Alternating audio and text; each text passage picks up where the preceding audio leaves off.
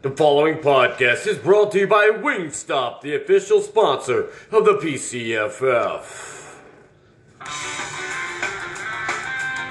Welcome to the PCFF podcast. It is Thursday, September the 12th. We are just nine days away from draft day. So, a lot to discuss. We have a guest. I hope all of you are doing well. There's a final uh, decision on kickers, and they are going to remain in the league at least for one more year. After this commercial break, I'll be right back to start the podcast as we enter the 2021 season. The PCFF draft. It's just nine days away.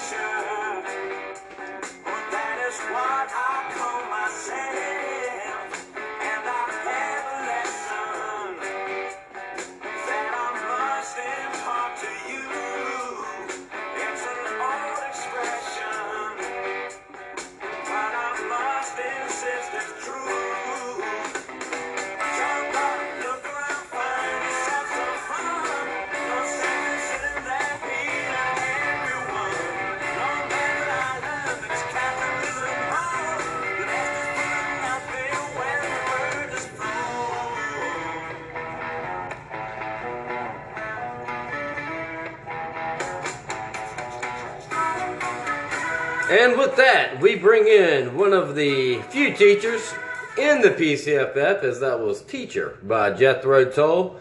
Another teacher down in Wilmington, but calls his home in football season, Kodiak. Byron Hager, how are you today? Thank you for joining the PCFF podcast live line. How's it going, Byron? What's going on, Daniel? Glad to be here today. Hope everybody's having a lovely Thursday. Yes, if you're inside, it's certainly lovely. If you're by the water, it's certainly lovely. If you're out working, it probably sucks. Um, the draft now nine days away. Nine days away, and the keeper deadline is 56 and a half hours from now. Is it's uh, 3:15 p.m. Eastern time as we're recording this. A uh, couple questions. First of all, how prepared for draft day do you feel going into, uh, as of right this second, I should say, from a scale of 1 to 10, where do you feel you're at? 11. 11. Pretty confident. I do my homework, D. Well, that, that's good. You know, we discussed with, with BP last week uh, his approach to the, you know, the off season and monitoring who goes where as far as the NFL free agency and whatnot. And now, um, you know, with fantasy football, there's injuries, stuff pops up in camp. Any given moment, you know, one of your your targets in the draft or, or one of your possible keepers can go down with an injury that, that makes you kind of go, hmm, and, and, and do you really want to keep that player or trust that draft pick? Um, like uh, we mentioned, the keepers obviously do um, in, in just two nights from now. Uh, do you care to comment on who the Grizz plan to retain? Has anything changed since your last message and the, the league thread? Uh, yeah. You know, I threw out uh, Miles Sanders and Aaron Jones um, after careful uh, consideration and, and talking with head coach Grizzly Adams. I, I, I think we're leaning back towards Lamar because they've got him a couple more weapons. Um, we've got him at, at, at such a great discount, and you know we've got him possibly for three more years on that discount. So it's probably going to be Aaron Jones and Lamar Jackson. Um, we are a little bit nervous that Lamar has not been vaccinated. Um, you know, I think he's been on that COVID 19 list three times in the past year and a half. So we are a little bit concerned about that. But hopefully he'll get vaccinated. Yeah, uh, it's kind of, you know, a lot of people choose not to get vaccinated, but, you know, if you've been hit with it a couple different times and you're, uh, you know, the most exciting quarterback possibly in the NFL to watch on a week to week basis on a Super Bowl caliber team, it seems smart to go ahead and, and let's just go ahead and do the vaccination. But, you know, it's, I didn't know if you were going to possibly lean towards Cairo Santos, Santos as, as a possible keeper option. Uh, your kicker from, from last year's Super Bowl fantasy. Any uh, comment on that? Yeah, I mean, Tyler Bass, um, I believe we, wound up with at the end of the year. You know, we went through a gamut of kickers, uh, uh, Jason Sanders being one. Um, Kodiak does realize that kickers are a part of the game, so we plan and, you know, we try to find the kickers that are that are going off. The matchups, it's going to score the points, going to be kicking the extra points and the field goal. So uh, it's part of the game, and I'm, I'm pretty happy the PCFF, thanks to Charlie and the Cleveland K9, keeping those kickers alive at, at least for one more year. Yes, Charlie, uh, known nationwide as drafting the kicker the earliest with Neil Rackers. Um, I think that was his first keeper pick um, in that draft. Ironically, if you look up on ESPN the top 20 NFL all time scorers, um, all 20 of them are kickers. And Neil Rackers is not one of them. But um, that's that's just how the uh, the kick the kick goes, I guess. Um, you know, I know it's a toughy situation, but uh, I've gone through it myself. In the 2020 Super Bowl fantasy, uh, it was a, a stock market type game. You know, the games were spread out over the course of four or five days, I think, being around Christmas. Um, you unfortunately came up just short. Hindsight's always 2020, but a lot of heartache and probably some bitterness on, on decisions made. Anything you want to, to talk about as far as that's concerned? Yeah, I- will say, uh, you know, hats off to Matt. You know, glad he won it. Um, can't be this Hager, I would always prefer for it to be another Hager. Sorry, not Hagers, but that's just the way the Hagers roll. Um, you know, if I had it all over to do again, I, I'm not sure I would have done it differently. Um, with the, you know, I, the main thing is, is I sat Ezekiel Elliott for Tony Pollard, and I had I not done that, I would have won the game. Um, but I do sleep better at night knowing that you know prior, uh, Tony Pollard was the number one um, scoring running uh, running back in fantasy, and there was a lot of speculation that they were going to be shutting Zeke down. So I went. I, I took a gamble and rolled on Pollard, and, and it turned out that you know, it came out after the game that Zeke had went into, you know, ownership and asked for a lot of carries, and, and he got those carries that game, and, and it, it sucks, but hey, I'm, I'm just happy to have made it. It was a great game. I didn't think I had a chance after the Kamara explosion, so it was nice to kind of get back up. Yeah, and you know, on the other side of it, you know, after you know he the the six touchdown performance on uh, I believe it was Christmas Day. Uh, but Matt, you know, he, he, he made a decision to start Kyler Murray over Josh Allen, which ended up being a, a huge mistake and almost cost him. I think uh, Murray had like 10 to 15 points or something, and I think Allen had around 40. So, you know, that's something else that you can always uh, fall back on when, when, you know, tasting that crap that, that was. Like, I, I still, Yeah. in 2004, I played Billy Volek over Brett Favre and uh, actually wrote the numbers down here. Um, the three games leading up to the Super Bowl fantasy that year, I was going up against Brock. Brock had uh, Shaun Alexander, uh, Tiki Barber, uh, Larry Johnson, Marvin Harrison. I mean, he was loaded. And uh, leading up to the Super Bowl fantasy, but Billy Volek had 269 and three touchdowns, 426, four touchdowns, 492, four touchdowns, and was facing a crummy Denver defense. While as Favre was coming off of 131, zero touchdowns and one pick, 188, one touchdown, 367, two touchdowns, three picks, and um, I played Volek over Favre. It was the start. Favre was playing in a dome, which he never did well in. And unfortunately, that cost me the Super Bowl fantasy. And Brock called me once it became official and reminded me of that. And I'll always be in debt to him for that experience. But anyway, Yeah, and mean, yeah, I, I actually think we call those moments uh, Billy Volek moments because that's what uh, Matt Collins told me. He said, "Congratulations on having a Billy Volek moment. Well, he'll probably have one soon because it always comes. What comes around goes around.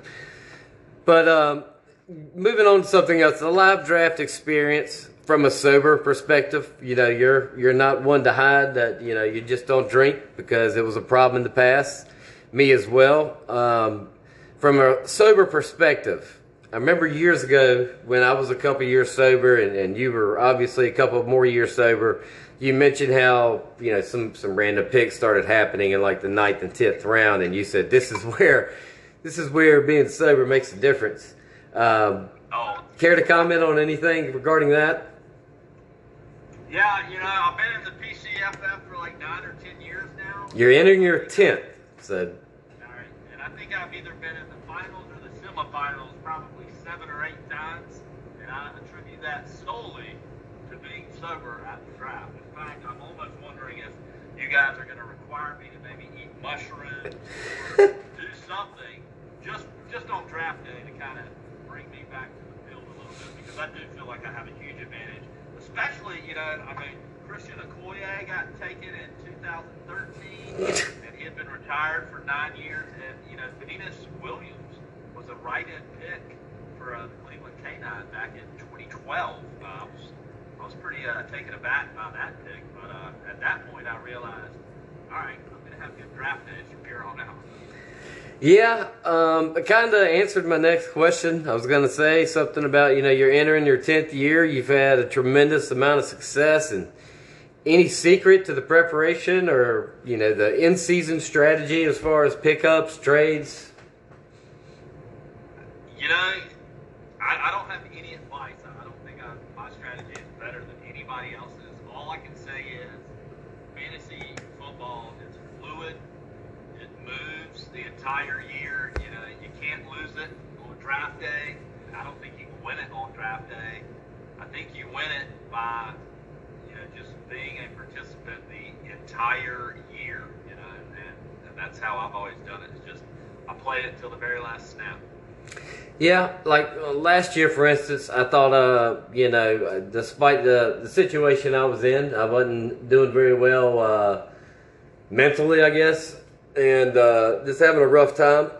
But I still thought my team was pretty good. Um, but injuries and, and COVID and, and stuff like that started happening, so I kind of unloaded some players for future picks. And um, despite that, having a depleted roster, came up with a win week 12, week 13, something like that over DC that actually got Tennessee into the first round bye, which is a big deal. You know, having that first round bye in the playoffs obviously uh, makes a difference as far as trying to go the distance.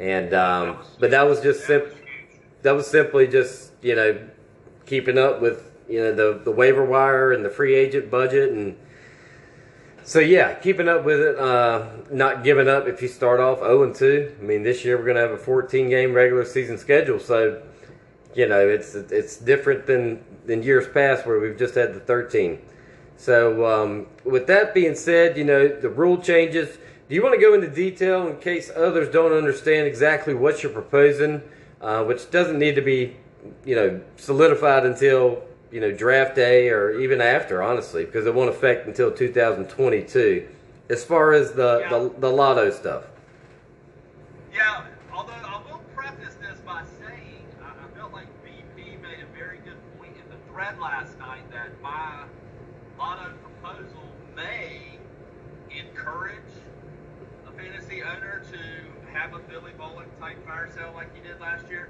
But that being said, you're playing fantasy football the way I play it and you're playing it through, it shouldn't really be that effective. Um, but what I what I propose is just to do it like the NBA lottery, which is the last place team would get ten balls in a hat. First place, the champion would get one ball in a hat, and you know so on and so forth. You know the middle team would have five balls, and then we'd shake those balls up, and you would draw ten balls in order, and that's how we would get uh, the draft order. And you know that's not to say that the champion could not luck into the first pick. Um, that's not to say that the worst place team could wind up with the last place pick. But if you took uh, statistics and know how to do ratios, the odds are in the favor of the poor performing teams. I just felt like it got to a point where it wasn't fair to have. I didn't think it was fair for me to have won a championship, and I had like a top two pick the next year. I just thought that was kind of shitty. Right, and this year, um, actually, Matthew, Tennessee has the number two pick, I believe. I don't have stuff in front of me at the moment, but I'm pretty sure he picked second. Um, yeah. and you know he's the reigning champ. Yeah, I mean, with the NBA lottery stuff, like you said, you know, it doesn't mean it's a given. Uh, decades ago, Tim Duncan was coming in as the number one prospect in the NBA draft. The Celtics had the best odds at number one and the best odds at number three. And the San Antonio Spurs with David Robinson got the number one pick, and the Celtics ended up with uh, Keith Van Horn and Ron Mercer. So, Yeah. yeah, Tim Duncan went on to win five or six rings. While Yeah, to me, it, yeah, to me, it was just about you know keeping it equitable, keeping it you know fair, and if- you know because you know I might have a bad season one year, and I would at least like to say, well, at least my shitty season, at least I'll have a better chance at a, at a decent draft slot. Right. Anything else you want to discuss, Byron? Um, I know you got to go go pick little man up. Um, Yeah, no, I just wanted to, at, at this time, I'm, I am trying to physically make it to the draft. Um, I'm going to be contacting uh, Hemby to see if he wants to possibly do some drinking and me do some driving. We just carpool up and back. Um, but uh, I, I'm planning and, and hoping to see everybody on the 21st. That'll be good stuff. yes, I. Um, it, it's um, it's nine days away. It's the PCFF. Everything is a clean slate. The season is upon us. The soft keeper deadline is just two and a half, well, two days and eight hours or so from now. So if you don't know, if you don't name your soft keepers in time, there could be a penalty of a loss of a round of a pick. I think everybody pretty much knows that by now, so they will be getting those in. But Byron, I really appreciate you joining us today, and uh, the best of luck in 2021 and, and, and going forward with everything.